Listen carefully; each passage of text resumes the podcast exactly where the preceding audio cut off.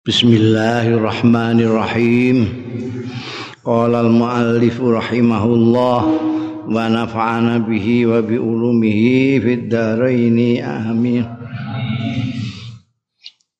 Qala Ibnu Syihabin iku ya. Fa akhbarani monggo ngabari ing ingsun sapa Abdurrahman bin Malikin al-Mudlaji wa huwa utawi Abdurrahman bin Malik iku ibnu akhi. Anake dulur lanangku ponakan. Surakah bin Ju'thum Abdurrahman itu ponakane Ibnu Syihab. Anak abahu setune bapake Surakah anak bapak kot sami asuroko anak abau bapak Abdurrahman bin Malik. Kot sami teman kerungu surakata bin Juksum ing surakoh bin Juksum. Yakulu ngucap ya surakah bin Juksum. Ja'ana nekani ing kita sapa rusulun rusulu kufari Quraisyin utusan-utusane wong-wong kafir Quraisy. Ya jaluna dadekake ya kufar Quraisy fi Rasulillah ing dalam Kanjeng Rasul sallallahu alaihi wasallam. Wa Abi Bakrin sakabar Abu Bakar radhiyallahu anhu diatan ing dia diatan ing dia tebusan kul wahidin utawi masing-masing suwiji minhuma saking Kanjeng Rasul sallallahu alaihi wasallam lan sahabat Abi Bakar radhiyallahu anhu liman qatalahu kanggo wong sing iso mateni ing kula wahidin aw asarahu utawa nawan iso nawan nahan sapa man hu ing kulu wahidin. Dikrungu surakoh ini. Krungu nek wong-wong kufar Quraisy itu nganakno apa sayembara kayak sayembara sing iso nyekel atau mateni dua orang ini. Salah satu di antara anjing Nabi Muhammad sallallahu alaihi wasallam dan sahabat sahabat Abu Bakar masing-masing yang bisa membunuh atau nyekel itu akan dikasih imbalan. Bayar. Papaina ma'ana jalisun nalikane utahi ingsun iku jalisun lenggahan fi majlisin. Ing dalem majlis min majalisi kaumi Bani Mudlaj ninggune majlis-majlis kaum ingsun Bani Mudlaj. Dada akbala rajulun minhum. Teko akbala madhep sapa rajulun wong lanang? Minhum saking kufar Quraisy. Hatta qoma alaina sehingga ngadeg ya rajul alaina ing atase kita. Wa nahnu khali kita iku julusun.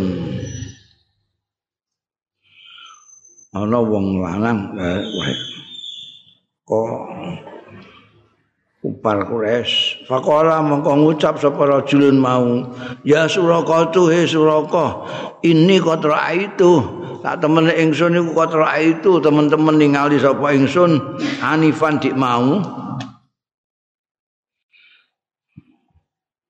aku aswidatan ing gremeng-gremeng ireng-ireng bisa khile ana ing pantem Nek adoan kan ketok ireng dampyak-dampyak ireng-ireng ngono ya. Aroha. Ningali sapa ingsun ing aswidah Muhammad dan wa Aku berpikir aroha itu saya berpendapat aswidah itu hitam-hitam itu yang kelihatan dari jauh itu Muhammadan wa ashabahu. Itu mesti Muhammad lan sahabat-sahabate. Ning gone pantai kita. Iku ketoke ana rombongan ireng-ireng. Faqala mongko batin sapa suraka tu suraka. Fa'araftu annahum hum ngucap. Faqala mengucap sapa suraka fa'araftu mongko aku ngerti annahum ing setuhune sing didelok mau aswidah mau pancen hum iku Muhammad wa ashabu. Saya ngerti sing dikandakno rajul iku mau ndekne roh regem-regemen dan dia katakan bahwa itu mungkin Muhammad wa ashabuhu. Saya pikir benar mesti gitu. Mereka mereka. Pakul tu mongko ngucap sapa ingsun. Wah, innahum laisuhum. Innahum setuhune sing mbok arani. Fakultu innahum laisuhum. Laisu ora ana. Sapa regem-regem aswidah sing mbok arani Muhammad wa ashabu iku? Ora ana iku hum. Muhammad wa ashabuhu walakin naka angin tapine sira iku raaita ningali sira fulanan ing fulan wa fulanan lan fulan intolaku sing budalan ya fulan mbek fulan bi ayunina di lawan sepenglihatan kita. Mereka yang berangkat kita tahu tadi loh. Aku ngerti. Lumalapis tu mongko keri-keri kendel sapa ingsun isih critane Suraka. Fil majlis ing dalam majlis saatan sedelo ing dalam sedelo. Sumakum tu mongko keri-keri jumeneng sapa ingsun fadakhaltu mongko mlebu sapa ingsun fa amartu jariyati mongko kongkonan sapa ingsun jariyati ing batur wedokku jariyahku antah ruja yen metu ya jariyati bifarosi kelawan jaranku. Min waroi akmah. Akmate sangka mburine bukit. Bukit tempat yang lebih tinggi dari dataran rendah itu akmah. Atah biswa patah bisaha mongko ngeker. Iya jariyatiha ing faras alaya kanggo ingsun ngatasé ingsun. Wa tulan ngalap sapa ingsun. Romhi ing tombak ingsun fakharat tu mongko metu sapa ingsun bi kelawan romhi min zahril baiti saking jabane omah. Pakatatu bizujjihi mongko garis ke sapa ingsun nancep ke sapa ingsun bizujjihi kelawan matane tumbak. Mata tumbak itu apa? Cara anune apa? Cara jawane apa? Tumbak itu kan kayu tapi ini kene ana sing diku nujes ada baja apa besinya yang lancip. Iku apa jenenge? Eh kok anak panah panah iku sing ngene iku kuwi kok mesti aneh-aneh. Panah iku sing dijemparing iki tombak. Tombak itu lembing itu lembing. Lembing itu kan ada kayu pucuke lincip saka baja atau besi. Lincipane iku apa? Zuj itu jenenge. Apa nek bahasa Indonesia ngaran wong Indonesia ngaran ya mata. Kaya pisau sing landepe disebut mata pisau panah lincipe mata panah anak. Iki yo mata tombak suci. Tapi kalau cara Jawa ini mesti ini ono masuk jawab lincip lincipe suci kan ya? Jadi mata matanya tombak itu. Zuji zuji ramhi. Al ardo ing tanah. Kata kata utiat farsi sehingga ditekakake apa farosi? Jaran ingsun sing digawa karo jariyah faraqat tuha mongko numpai sapa ingsun ha ing farosi. Fadafa tuha mongko ngeblasno sapa ingsun ha ing farasi tukar ribubi nyedakno ya farosi bi kelawan ingsun. Nyedakno karo sasarane dadi ya akale akeh suraka iki. Ini ning gone kumpulane wong-wong ku lagi ning gone majelis itu ana sing jujuk ngadeg teko ngadeg terus kondo. Iku aku roh regemeng-regemeng ning gone pantai iku. Iku Muhammad mbek askab iku. Mesti Muhammad mbek kanca-kancane Muhammad Syekh iku. Maku ora ana parae Suraka terus langsung bantah ora ora. Padahal ini batin itu ngerti. Nek iku pancen Muhammad wa ashabuh. Ngerti sing di wong iki regemeng-regemeng sing kira-kira Muhammad wa ashabuh iku pancen iya. Menurut Suraka pancen iya. Tapi ndek ini kepengen untuk dia iki dhewe ngono.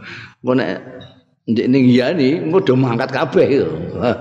Nak mangkat kabeh nek jalan ini kalah banter kan kalah kok sing entuk sing liya-liyane. Supaya liya-liyane ora tertarik. Terus ini ngomong, "Dudu iku, aku roh kok berangkate roh aku. Iku fulan mbek fulan mau sing berangkat rono iku." Dudu Muhammad mbek kancane dudu. Ben liyane ora kepengin budal. Ndek dhewe terus diam-diam indhe-indhe isih ning kono sedelok. Bariku tuh Selenem sentem lunga. Anu batur kandhane jalanku tokno itu. Supaya gak roh wong-wong iku.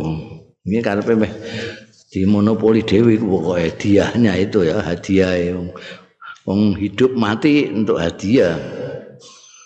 Wah. Nggawa tombak barang. Hmm. hatta danau tu minhum tak gua belas no ae udah jaran gue tak gua belas pada waktu tukar ribu bigu marekno hatta danau tu sehingga marek sopo ingsun minhum saking Muhammad ba ashabuhu rujue dana oruba iku mutaadine wong Arab nganggo min. Wis tau tak kandhakno bolak-balik. Nek bauda ada an nek muni ada saka aku bait ani nah nek kowe muni parek saka aku qarib minni. Nek parek nganggo min nek bait nganggo an. Ngarap iku. Iki mulane dana dana iku marek padha karo korob koroba iku mau. Dan autu singgo parek sapa ingsun minhum. Saking Kanjeng Nabi mbekan ashabu. Fa'atharat bi farasi mongko kejeglong bi lawan ingsun apa farasi jaran ingsun. Itu kan naik kuda itu di padang sasir, padang pasir. nututi Kanjeng Nabi karo rombongan iki mung. Weblas banter kabeh kari-kari kejengklok. Wah karar tu anda mau kejungkel sapa ingsun anda saking farosi. Fakom tu akum tu mongko ngadeg sapa ingsun Pak Ahwa itu biadi ila kinanati mongko jikuk sapa ingsun bahwa itu nyandak sapa ingsun biadi kelawan tangan ingsun ila kinanati marang kinanah ingsun. Nah iki kinanah iki lagi ada anak panah kinanah itu. Kinanah itu wadah anak panah yang biasanya desok nggurine geger ngono kae jabut sita-sita ada iku jenenge kinanah pas mongko ngetokno sapa ingsun minha sanging kinanati al azlama ing anak-anak panah. Pastak samtu biha mongko bagi sapa ingsun biha kelawan azlam. Adur adurruhum iso melarati sapa ingsun ing mereka maksudnya Muhammad bi ashabu amla utaura Nah, itu gitu. Jadi kepercayaan wong kufar Quraisy itu iku azlam itu mlane diharamno ini iku dinggo ngramal jadi panah itu ditokno ini iso apa? Nyekel Muhammad CS apa ora nyekel iso apa ora. Melalati ini apa ora jadi gue ngeramal kira-kira itu kok kok kejungkel iki? Apa? Ora kasil kok piye? Terus diramal ambek azlam iku. Hasil ta ora? Nek kasil berarti melarati Kanjeng Nabi Muhammad lan sahabat-sahabat nek ora berarti ra kasil dikne Kanjeng Nabi yo gak sida iso dimelarati dikne gitu lah adurruhum amla Fakoroja mongko metu apa allazi akrahu. Metune allazi akrahu sing ora seneng sapa ingsun. Artine la. Ra iso ngono. Jadi diramal-ramal dhewe ramalane meleset. Jadi ini karepe iku aduruhum ngono. Dadi nek aduruhum geblas buantel nek mantep pede. Lah iki kari-kari sing metu iku ora ngono. Sing metu justru kebalikannya yang diharapkan sing gak disenengi. Ya iku ora kasil. Aduruhum amla berarti la. Fakharajal ladzi akrahu. Fakarakib tu mongko tetep aku numpak sapa ingsun farasi ing jaran ingsun wa asaitul azlam. Durakani pokoke ora tak ora tak gubris lah. Biasanya dia yakin. Biasanya bi azlam itu yakin. Janji muni ngulon azlame ngulon ngetan ngulon ngetan ngulon ngulon dek nih eh tuku ora tuku ora. Itu mesti takok do takok. Ini gini azlam itu tuku ora tuku ora. Tuku dituku. Iki iso ngenai iso ngenai Muhammad Basahu ora. Ngenai ora ora. Tapi ah sore cek ora pokoke geblas dekne. Iku jenenge maksiati. Dawuhe aslam iku mau. Aslam di biasane ditutno dekne kabeh. Saiki wa asa itu suwange kepingine nangkep. Anjing nabi yang ambekan sahabat Abu Bakar iku mau bentuk dia iku mau. Tujuannya mau bentuk hadiah. Jadi bahasa itu azlam maka roba mongko marek parek bi kelawan ingsun apa bi ingsun kata idza sami itu sehingga tetkalane krungu sapa ingsun kira ata Rasulillah ing wacanane Kanjeng Rasul sallallahu alaihi wasallam wa huwa khali utai Kanjeng Rasul kula yal tafitu ora mlengak. Iku cedak padahal nek cedak kan mesti krungu ah wong ndekne ya krungu Kanjeng Rasul sallallahu alaihi wasallam maos Quran. Dadi tindak nganggo unta iki ambekan maos Quran. Ndekne krungu Kanjeng Nabi maos Quran. Mesti ini Kanjeng Nabi ya mireng ah. Ana gubrek-gubrek-gubrek kok gurine iku. Ana jaran degar-negar nututi iku. Mesti ini krungu. Tapi gak melengak blas kanjeng Nabi. Wa huwa layal tafid sing melengak-melengak iku Mbak Abu Bakrin ya yak yak suru al iltifat tapi sahabat Abu Bakar iku ngokeh-ngokehake al iltifata ing noleh. Sahabat Abu Bakar kanjeng Nabi blas ora noleh terus maos Quran saja. Sing Abu Bakar sahabat Abu Bakar sing nolah noleh ae. Sakot yada farsi. Jadi ki jawabe iza iku mau kata iza sami tu kira Rasulillah sallallahu alaihi wasallam dan seterusnya sakot mongko terbenam terjerumus apa bahasa Jawane? Terjerumus terpendam. Jadi iki karena ini pasir ya sikil jut apa sakhat itu ter terbenam terjerumus. Apa yada farasi? Sikil ngarepe faras. Ya. Sikil iku nek wong ngarep ngarani wong sikile papat. Ya sing ngarep dianggap tangan sik tangane. Nek ngarep nyebutno tangane. Tangane jaran iku artine sikil sing ngarep. Nek ngguri iku sikile kok nek ngadeg ora tau nganggo tangan ngono jaran nek ngadeg ya nganggo sikil ngguri Eh, sikil ngarep sing ning dhuwur gak tau njungkir ngene. gak tau.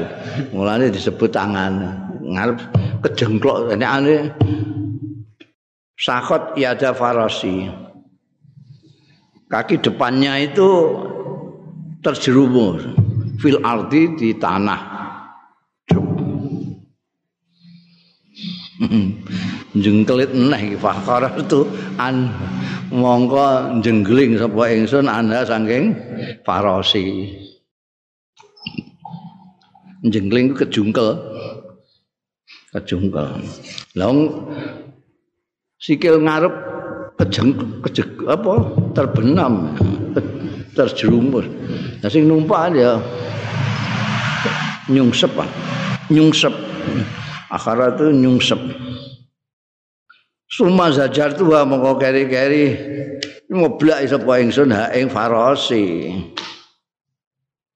Digetak-getak. Zajar tuwa getak-getak sapa ingsun ha ing farasi tetep palam takat takhruju mongko ora meh-meh ya. Farasi ku takhruju. Tukhriju yadaiha iso ngetokake yadaiha ing kaki depannya farasi. Getak-getak tetep gak iso apa njabut sikil lorone sing ngarep sing kejengklok iki sing terpendam tanah itu. Gak kemain Aiswese falam mastawat kok imatan bareng wis iso jejeg. Ya farasi kok imatan haling adek Idzan li athri yadaiha hubar dumabdaan kronos labeting sikil lorone farasi. Apa hubarun satiun? Lepu sing membumbung. Membumbung apa bahasa Jawane? Eh membumbung sate itu. Mabul-mabul. Mabul. Jadi begitu dijabut tak tak terus wis sikile iso diangkat barang iso diangkat iso jejeg meneh ndek ngadeg e. Kuwi iki dadak tipake sikile iku mbul. Debu itu apa? Pasir pasir iku padang pasir. Pasir itu mabul-mabul. Bubar satiun fis sama. Wis ora umum. Wong sikil mok semono ae diangkat kok terus mabul-mabule kok semono ah. Kaya tepane kaya misal dukhan kaya keluk kaya keluk. Mas taksam tu mongko istiqsam lah aku bagi-bagi bil azlami kelawan anak-anak panah iki mau azlam nah. Eh iki tutukna taura tutukna tauran. Pakara jat dadak metu apa alladzi akrahu? Sing ora seneng sapa ingsun Khina laka itu nalikane ketemu sapa ingsun maing barang laka itu kang ketemu sapa ingsun minal habsi saking tertahan anhum saking Rasulullah lan Kanjeng Nabi Muhammad lan sahabat Abu Bakar. Hah. Eh eh minal habsi anhum an sayadhar. Tegese sedune kelakuan saya haru bakal pertela bakal menang apa amru Rasulillah perkara Rasulullah sallallahu alaihi wasallam pas wis jelas iki nek ndelok tanda-tandane iki mau ya Azlam ya gak memihak mengaku ya. Eh, aku bolak-balik kedungkel-dungkel ngene iki. Iki wis jelas iki pancen perkarane Anjing Nabi Muhammad ini memang sudah akan muncul, akan menang, tidak bisa ya. Ayo, Suraka teluk iki ya. Ceblok ngadeg eneh, diramal neh, elek neh. Mbok neh diramal neh, elek neh. Wis fakultu lahu. Mongko matur sapa ingsun lahu marang Kanjeng Rasul sallallahu alaihi wasallam. Wis cedhake ngono iku lho. Iku ya isa ora iso nyekel.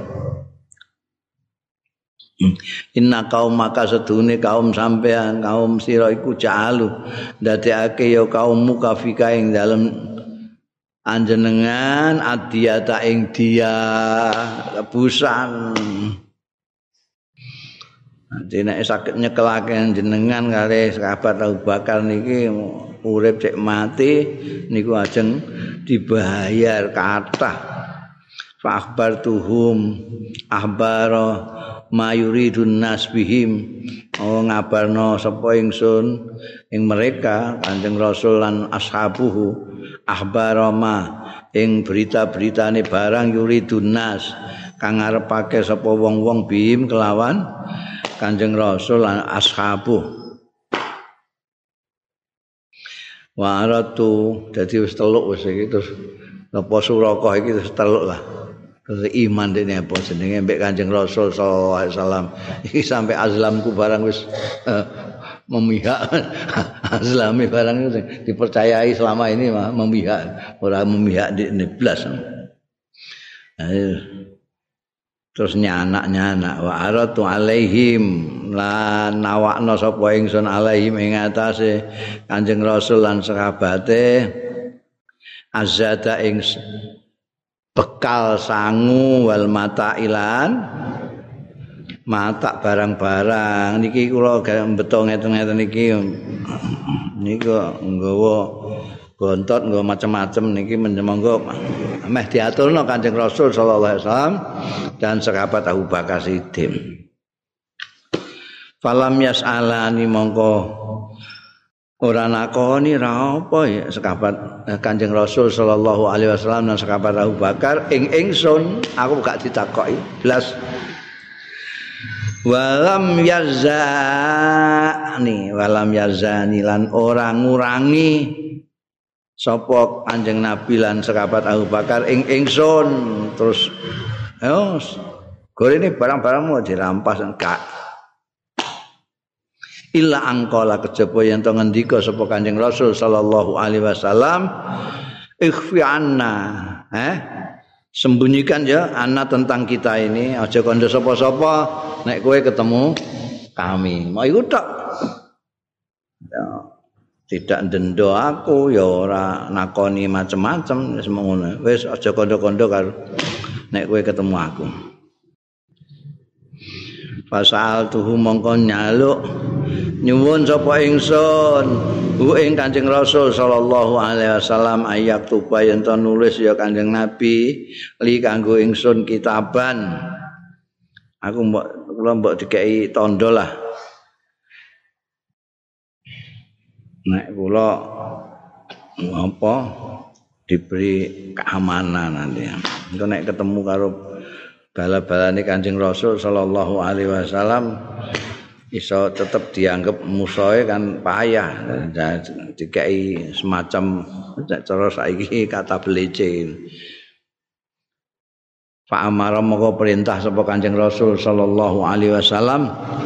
Amir bin Fuhairah.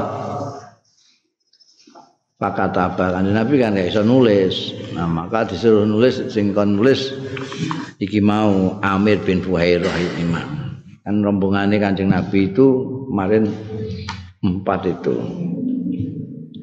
Ya di samping sahabat Abu Bakar ana Amir bin Fuhairah iki. Pakataba mengko nulis sapa Amir bin Fuhairah fi riqatin ing dalem sak potong sak suwek min udmin utawa min adamin saking kulit ada nulisnya ning kulit untuk tinggal cekelan kapan-kapan ini ketemu pasukan Islam, ketemu wong Islam barang didono aku untuk iki lho. Oh Kanjeng Nabi. Summa mador mongko keri-keri melanjutkan perjalanan sapa Rasulullah Kanjeng Rasul sallallahu alaihi wasallam. Kanjeng Nabi ku wong utusane Gusti Allah. Jadi yang melindungi ya Allah sendiri. Melindungi. Iku kaya apa Surakoh to ya. Apa jenenge kepengin untuk hadiah iku sampai sebegitu rupa. Ora ana udan ra angin malah kejengklak kejengklok ae. Ini kanjeng Nabi dilindungi.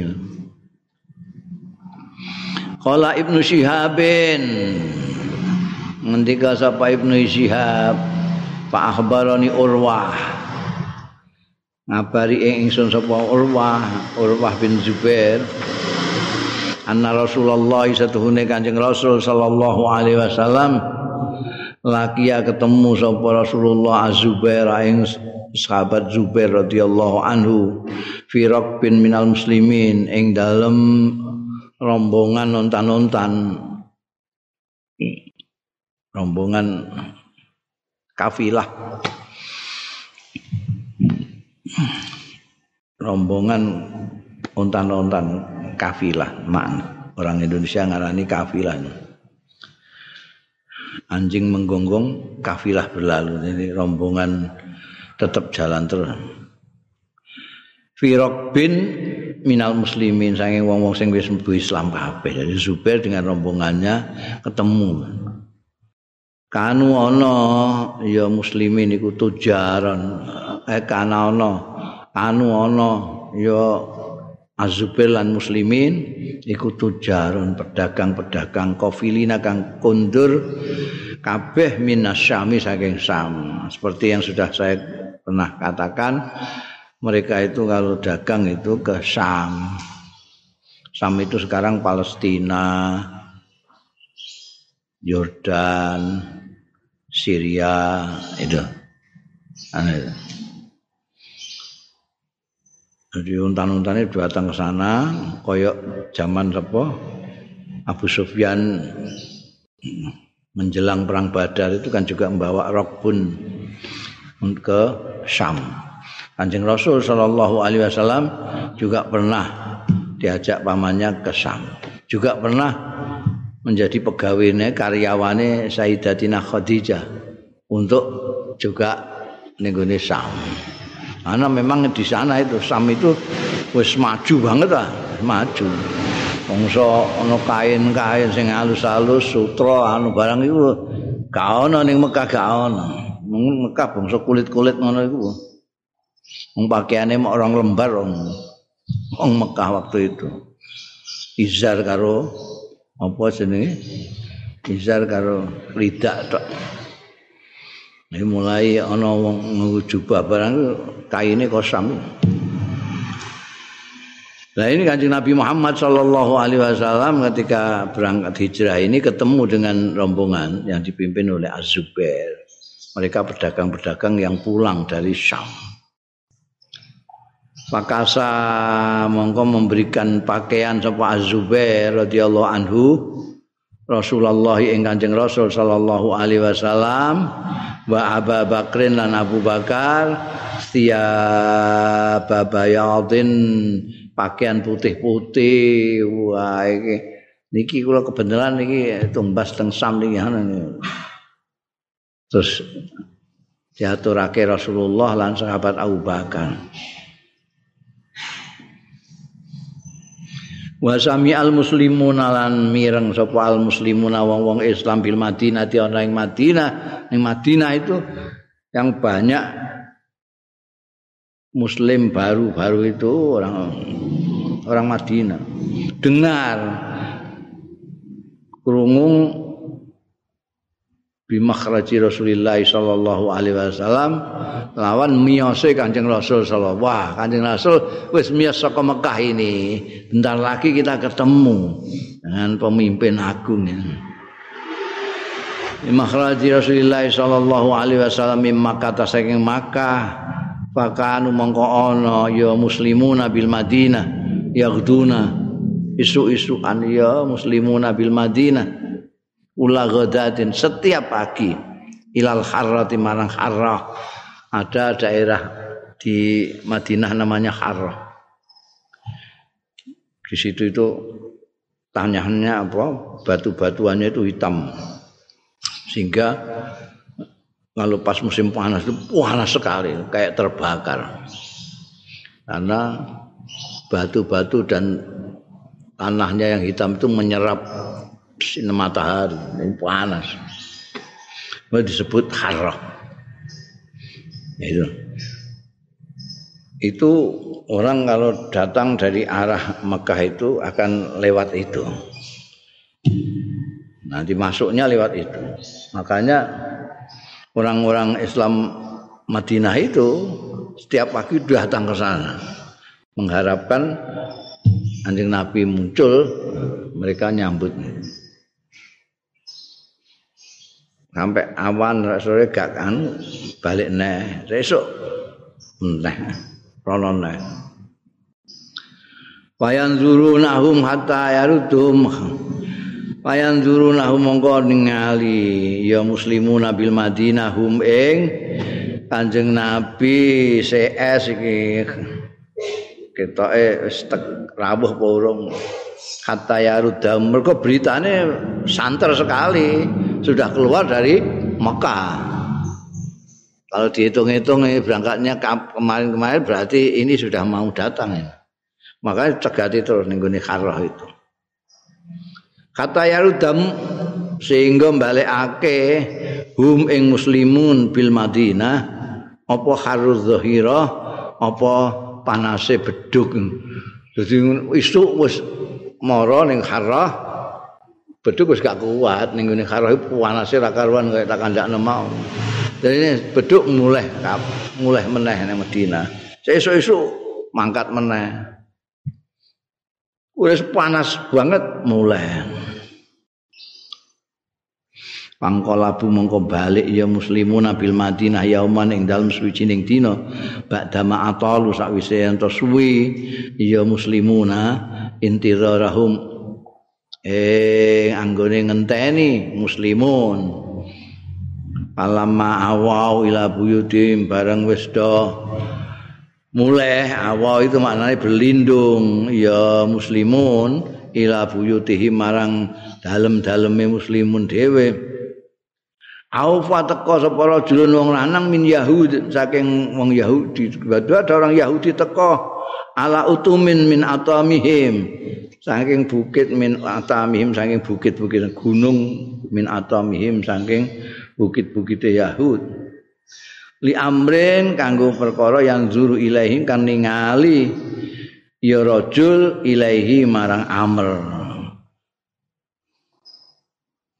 Jadi ada orang Yahudi naik ke atas gunung itu karena mau melihat sesuatu, tiba-tiba abasu Rabbi Rasulillah mau meruh sapa rajul bi Rasulillah kelawan Kanjeng Rasul sallallahu alaihi wasallam wa ashabihi lan sahabat-sahabat Kanjeng Rasul. Mubayyidina padha putih-putih kabeh. Azulu bihim musarab sing ilang bihim sing ngilangake bihim kelawan Anjing Rasul. Apa asarabu? Amun-amun amun-amun itu bahasa Indonesia ini fata morgana. Jadi kalau di padang pasir atau di aspal aspal kalau panas banter itu ada pemandangan seperti air kimplah-kimplah itu. Tapi nek kamu dekati ternyata tidak ada. Itu hasil pantulan matahari aja. Ke padang pasir atau ke aspal aspal itu bisa nek kepanasan bisa ketok kimplah-kimplah wadah koyok banyu. Itu bahasa Jawa ini amun-amun. Bahasa Indonesia ini fata morgana. Makanya kita melihat sesuatu yang sebetulnya tidak ada itu disebut melihat fata morgana. Bisa. Itu ketok kadang-kadang ketutupan sing ketok kayak banyu loh. Banyu. Tapi begitu kita pindah posisi itu terus berubah kimplah-kimplahnya nggak ada muncul putih-putih anjing Rasul Shallallahu Alaihi Wasallam esikum. Hmm. Palam yamlik ora iso nahan sapa al Yahudi wong Yahudi mau ing angkala yen to ngucap sapa Yahud mau bi ala saudi kelawan sak buan terbantre suarane enggak tahan begitu lihat ada anu ngerti. Nek wong-wong Islam Madinah itu saben esuk do nyegat ning gone harrah itu. Pengen mapak Kanjeng Rasul sallallahu alaihi wasallam enggak tahu kasil Nanti ini roh guwirangi ra karuan gembol bi alas auti. Ya maksarul Arab. Eh wong-wong Arab. Jadi ini Yahudi rumangsa ora wong Arab soalnya. Ada jadduku madza utai iki iki pemimpinmu alladzi tantadiruna sing ngenteni sira kabeh. Fatarul muslim wah monggo asara.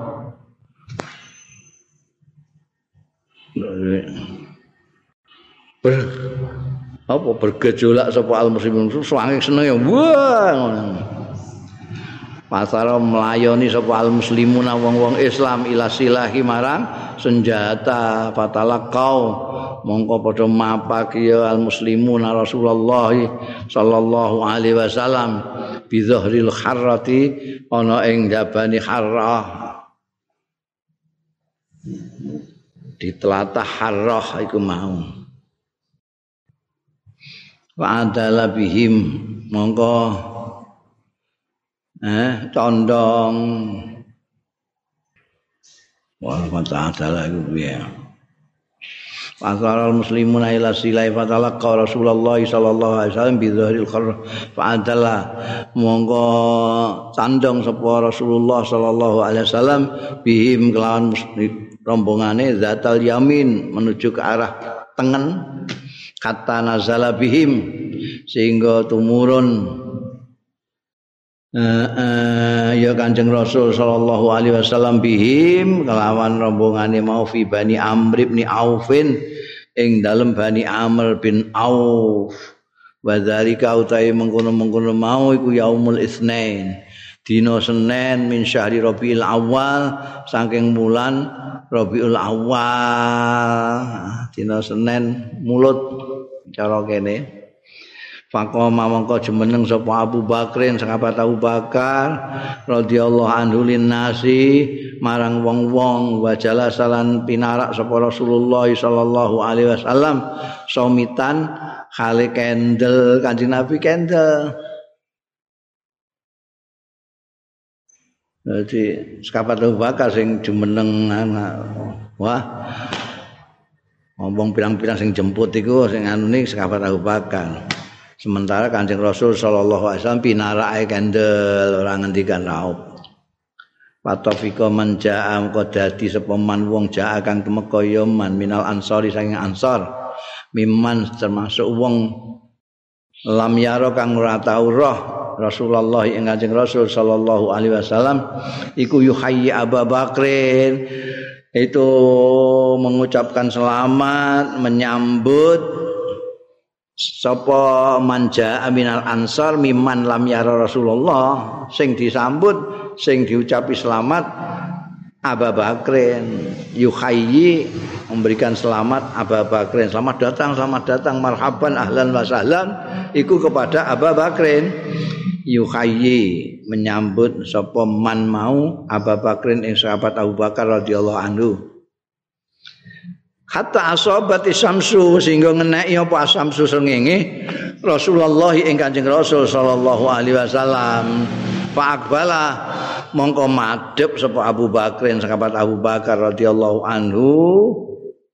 Hatta dzallala alaihi sehingga mayungi sapa sahabat Abu Bakar alaihi ing atase Kanjeng Rasul sallallahu alaihi wasallam biridaihi kelawan pakaian atasnya ridae sahabat Abu Bakar. Bareng ngono terus arafan nas. monggo terus ngerti sapa anas wong-wong Rasulullah ing Kanjeng Rasul sallallahu alaihi wasallam. Ya iku sing dipadeni iku sing Rasulullah iku mesti. Nah. Indah dalika nalikane mengkono-mengkono. Jadi durunge gak ngerti wong akeh sing gak ero. Nek sing biyen tahu biat karo Kanjeng Rasul sallallahu alaihi wasallam nalika musim haji itu ya sudah tahu. Tapi kan yang belum pernah kan cuma dengar-dengar tok. Dengar-dengar wis rindunya bukan main karena digambar nombean kanca-kancane kan orangnya itu bagus, lemah lembut, lalu segala macam lah kelebihan-kelebihan kanjeng Rasul itu. Jadi mereka yang mendengar saja itu sudah kepingin ngerti lah. Nah, Ndi Kanjeng Rasul sing endi? Ha iki ana wong loro, rada mirip ya. Iki sing endi?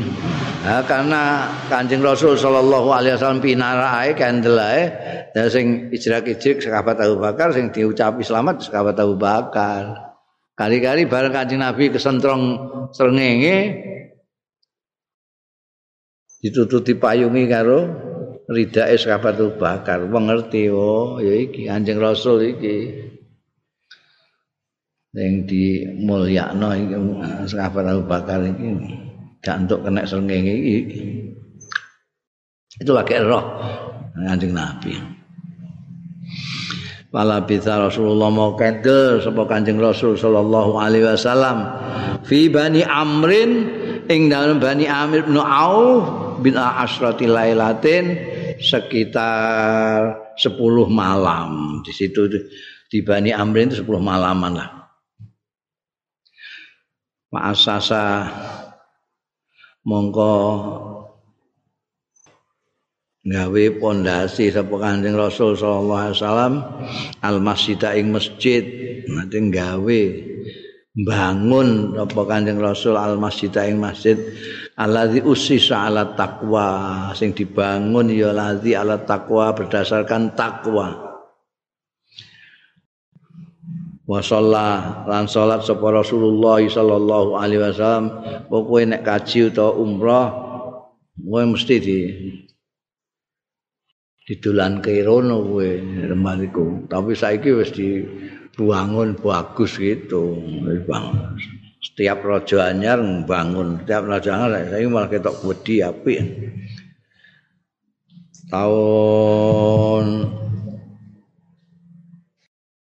70 70 69 iku saya rada asli aku rono iki.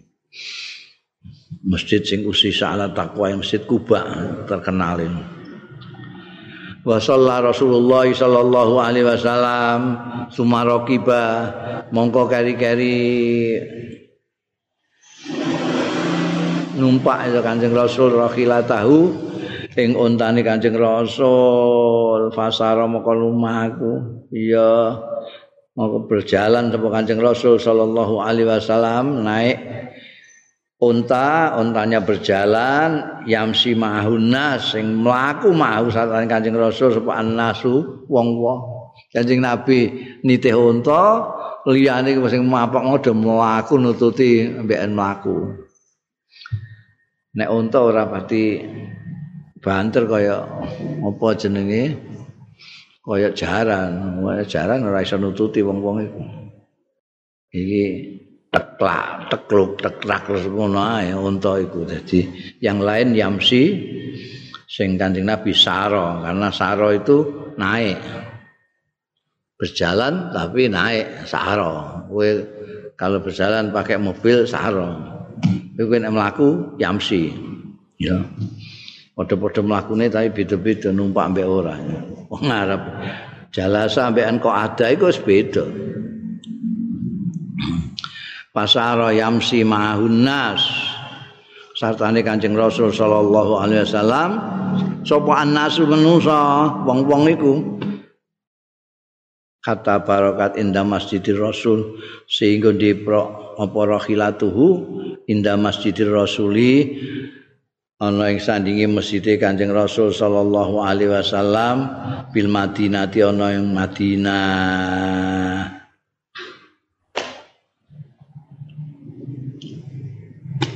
Sing maksude sing saiki. Biyen yo durung dadi masjid ta? Biyen durung dadi masjid wa huwa yusalli fihi yauma idzin. Wa huwa yusalli wa huwa khalil ta kanjeng rasul sallallahu alaihi wasallam sholli sembayang fihi ing dalem iki mau masjid rasul. Yauma idzin nalika kuwi dina kuwi. Yusalli fihi wa huwa yusalli fihi yauma idzin rijalun piye ya Allah? Ana wa huwa barang Barakal indang masjid Rasul sallallahu alaihi wasallam Madinah. Wa yusalli mesti ora ana wa malah enak. Eh, eh bolak-balik mamarai curiga aku nek bolak-balik keliru cetak ngene iki. Iku nek orang nganggo gua malah enak wacan-wacanane. Kata barakal indah Masjidil Rasul wa yusalli fihi yauma idzin rijalun minal muslimin sembayang fi ing dalem Masjidur Rasul yauma idzin nalika iku dina iku sapa rijalun wong-wong lanang minal muslimin. Disebut Masjidur Rasul iku untuk penamaan sekarang. Nek biyen durung dadi masjid maksudnya ya. Jadi sing gua monen dikai kelungkeran neh. Dikai kelungkeran, bahwa dikai kelungkeran dan pinggire tulisi pinggire kitabmu iku la alas sawab neh. La alas sawab biduni huwa. Ngono. Jadi langsung huwa yusolli. Hmm.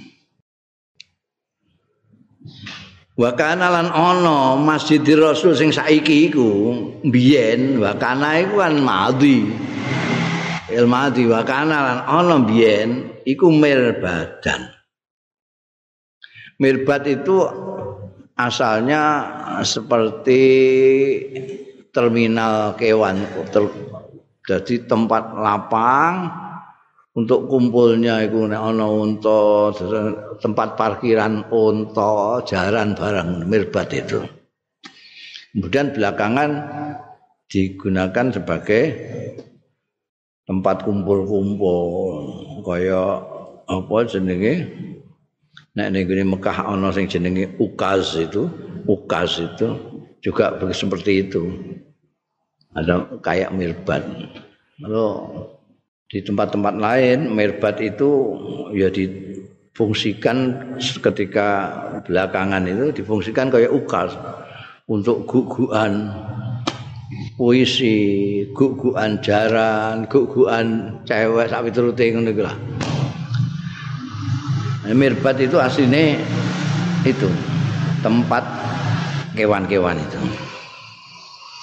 Tapi kemudian yang ini yang di Madinah ini mirbat itu tidak digunakan untuk parkir untuk meneh tapi wis dinggo mepe gandum. Karena tempatnya luas tempatnya luas lapang itu. Pengganggu kewan-kewan itu ono sing ngarani nek mirbat itu memang pasar kewan gitu. Tapi mirbat ini yang lisahlin wasuhel wa kana mirbatan li sahlin wa suhel. Kakak beradik namanya sahal lan suhel. Sing cilik jenenge suhel sing gede sahal mirbat ini milik dua anak dua ini. Yang oleh anak dua ini sudah tidak dijadikan parkiran kewan tapi dibuat mepe-mepe gandum itu yang kemudian nantinya menjadi Masjidur Rasul sallallahu alaihi wasallam. Jadi nek, nek mau disebut Barakat Indah Masjidir Rasul itu melihat yang sekarang sudah jadi masjid. Sebetulnya pada waktu itu belum masih mirbat. Makanya mirbadan di Sahlin wa Suhail. Siapa Sahlin dan Suhail? Ulama ini bocah loro yatimaini sing yatim karone fi hijri As'ad bin Zurarata ada di pawengkone As'ad bin Zurara. Artinya pengampunya Suhel dan Sahal ini dua orang anak yatim ini adalah As'ad bin Zurara. Faqala maka dawuh sapa Rasulullah sallallahu alaihi wasallam Kina barakat rakhiyatuhu nalikane deprok apa rakhilatuhu apa untane Kanjeng Rasul sallallahu alaihi wasallam? Ngendika piye? Hadza insyaallah al manzil utawi iki insyaallah al manzil jadi Kanjeng Nabi ku nek anu iku diserahno karo ontane sak ndiproke karo nalika ditarik-tarik karo wong-wong Madinah kongkon mampir ning daleme masing-masing jalno-jalno iku ben ndiprok sak ndiprok-ndiproke di ndiproknya itu Kanjeng Nabi baru turun dari rohilatihi. Nah ini ketika ndiprok ning kono iku Kanjeng Nabi dawuh, "Hadza insyaallah al-manzil." Ini tempat tinggal ini sekarang. Tempat di mana diprok untane iku Sumada mongko keri-keri nimbali. Sapa Rasulullah Kanjeng Rasul sallallahu alaihi wasallam al hulamaini ing bocah loro mau Sahal mbek Suhel mau ya tasawam ma ngenyang ya, menawar sapa Kanjeng Rasul sallallahu alaihi wasallam ing Sahal lan Suhel bil mirbati kelawan mirbatiku mau lapangan mau lihat takhidau supaya gawe sapa Kanjeng Rasul sallallahu alaihi wasallam ing mirbad digawe masjidan ingkang dadi masjid. Pakola mongko matur sapa Sahlan Suhel cah cilik yatim kok iso. Ngono ya. Bal nahabuhu laka ya Rasulullah. Balik ngibahake. Ngaturaken kula kita hu ing mirbat laka dateng panjenengan ya Rasulullah. Jadi jadi mbok dol pira iku? Eh, tak tukune tak nggone masjid iki mirbat iku timbangane ya mbak mbok nggone ae kok. Kok nganggur. Kan tak tukune pira? Mbok tak nggone gawe masjid. Mboten Nabi, monggo menawi dipun kersakaken. Oh, nahabuhu laka. Itu langsung diparingi nabi cah cilik ngerti ngono ya. Nah laka ya Rasulullah. Fa'aba mongko ora kersa Kanjeng Nabi ora kersa. Wong sekabate sing kuwentel kabat Abu Bakar me gratisno untane Kanjeng Nabi gak kersa kok. Gak mau. Ora fa'aba. apa mangko ora kersa sapa Rasulullah Kanjeng Rasul sallallahu alaihi wasallam ayak balahu yen to nampa sapa Kanjeng Rasul hu ing iku mau mirbat min huma saking gulamain sahlan suhel hatta ibta'ahu min huma sehingga mundut atine membeli mundut itu sapa Kanjeng Rasul sallallahu alaihi wasallam hu ing mirbat min huma saking gulamain tak mau saya Kalau ndak beli ndak mau. Nek mbok wehno mah. Nek mbok dol apa anane regane pira kaya adate eh? Pasarane sak piturute tak tuku. Nek mbok wehno bloko-bloko gak. Akhirnya di dipundhut Kanjeng Nabi dibayar. Summa banahu mongko keri-keri bangun sapa Kanjeng Rasul sallallahu alaihi wasallam ing mirbat digawe masjidan dadi masjid saiki sing terkenal wedine semono iku asale masjid kecil sak gedene mirbat itu. Berkembang berkembang berkembang. Janji rojo bangun janji rojo bangun terus saiki meh sak Madinah dadi masjid kabeh. Yang biyen apa bake itu adoh saka masjid saiki dadi siji wek masjid iku. Jadi kowe nek ning kono masjid ngono wis terus ndi-ndi kowe. Iku kuasa kowe nek mlebu kok saiki kok mlebu kok pintu utama arep ning pengimaman wah waduhe ra karuan sak Madinah dadi masjid kabeh. Waduh. Terus ning ning ngarep dhewe kono ana tulisane iki masjid Kanjeng Nabi. Mak tak klutek ngono ning asline biyen tak mirbat itu Hmm. Atau fika mongko dadi sapa Rasulullah Kanjeng Rasul sallallahu alaihi wasallam yang kulu mindah ma'ahum satane wong-wong Allah binaing Allah binaing boto. Iki Kanjeng Nabi ngangkat-ngangkat dhewe ora kok mandor gak. Ya, dituku-tuku dhewe didandani ya apa melok nguleni dhewe nggawa labin fi bunyanihi ing dalem bangunane Kanjeng Rasul sallallahu alaihi wasallam. Wa huwa wa yaqulan dawuhan sapa Kanjeng Rasul sallallahu alaihi wasallam bahwa khalid Kanjeng Rasul iku yang kulo mindah Allah bina ing boto Kanjeng Nabi mindah boto iku karo rengeng-rengeng. Hadzal jamal ya ana titike iku ya. Hmm. Hadzal jamalu la jamala khaibar. ana nek ning gone anu sing biasane nganggo nganggo hak nek nganggo hak khimal Jadi pinggire iso mbok tulis iku ning ngene pinggire kitabmu iku Jamal itu keluwengi pinggire itu. Wa fi nusakhin al khimal bil haq al muhmalah ngono. Artinya hak muhmalah itu hak sing ora nganggo titik. Nek nek nganggo titik iku jim.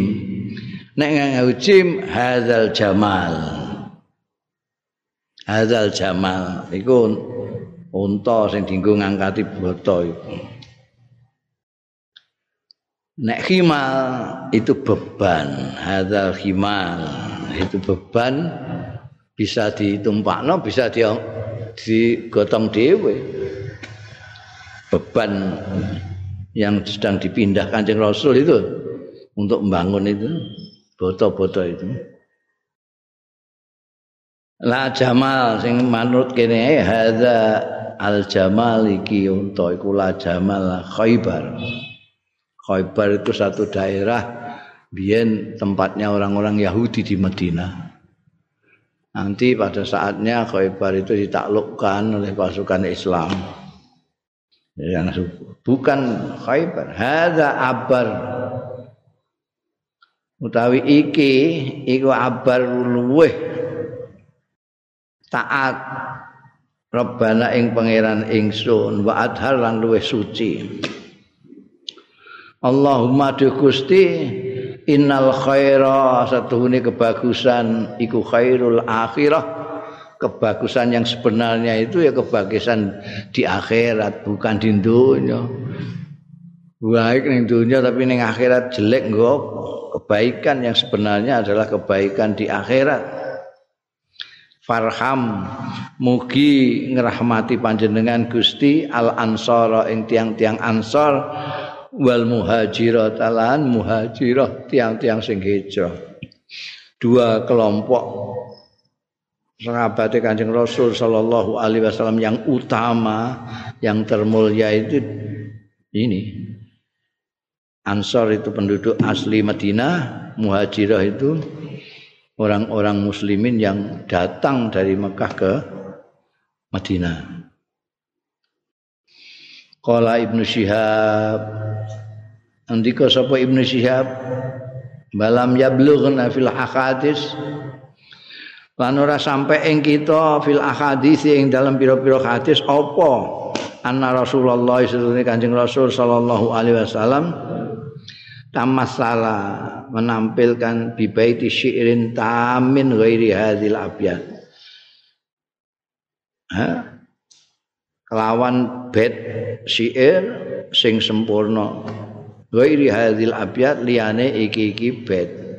Ini riwayat-riwayat hadis-hadis yang menerangkan hijrah Kanjeng Rasul sallallahu alaihi wasallam saya belum pernah menjumpai kecuali ya ini. Yang syair ya ini dua bed ini tok. Itu aja apa jenenge? Riwayatnya macam-macam. Ono Jamal, ono sing Himal, ono sing iki eh, Allahumma innal khaira khairul akhirah itu dalam riwayat yang lain tembungnya orang ngono.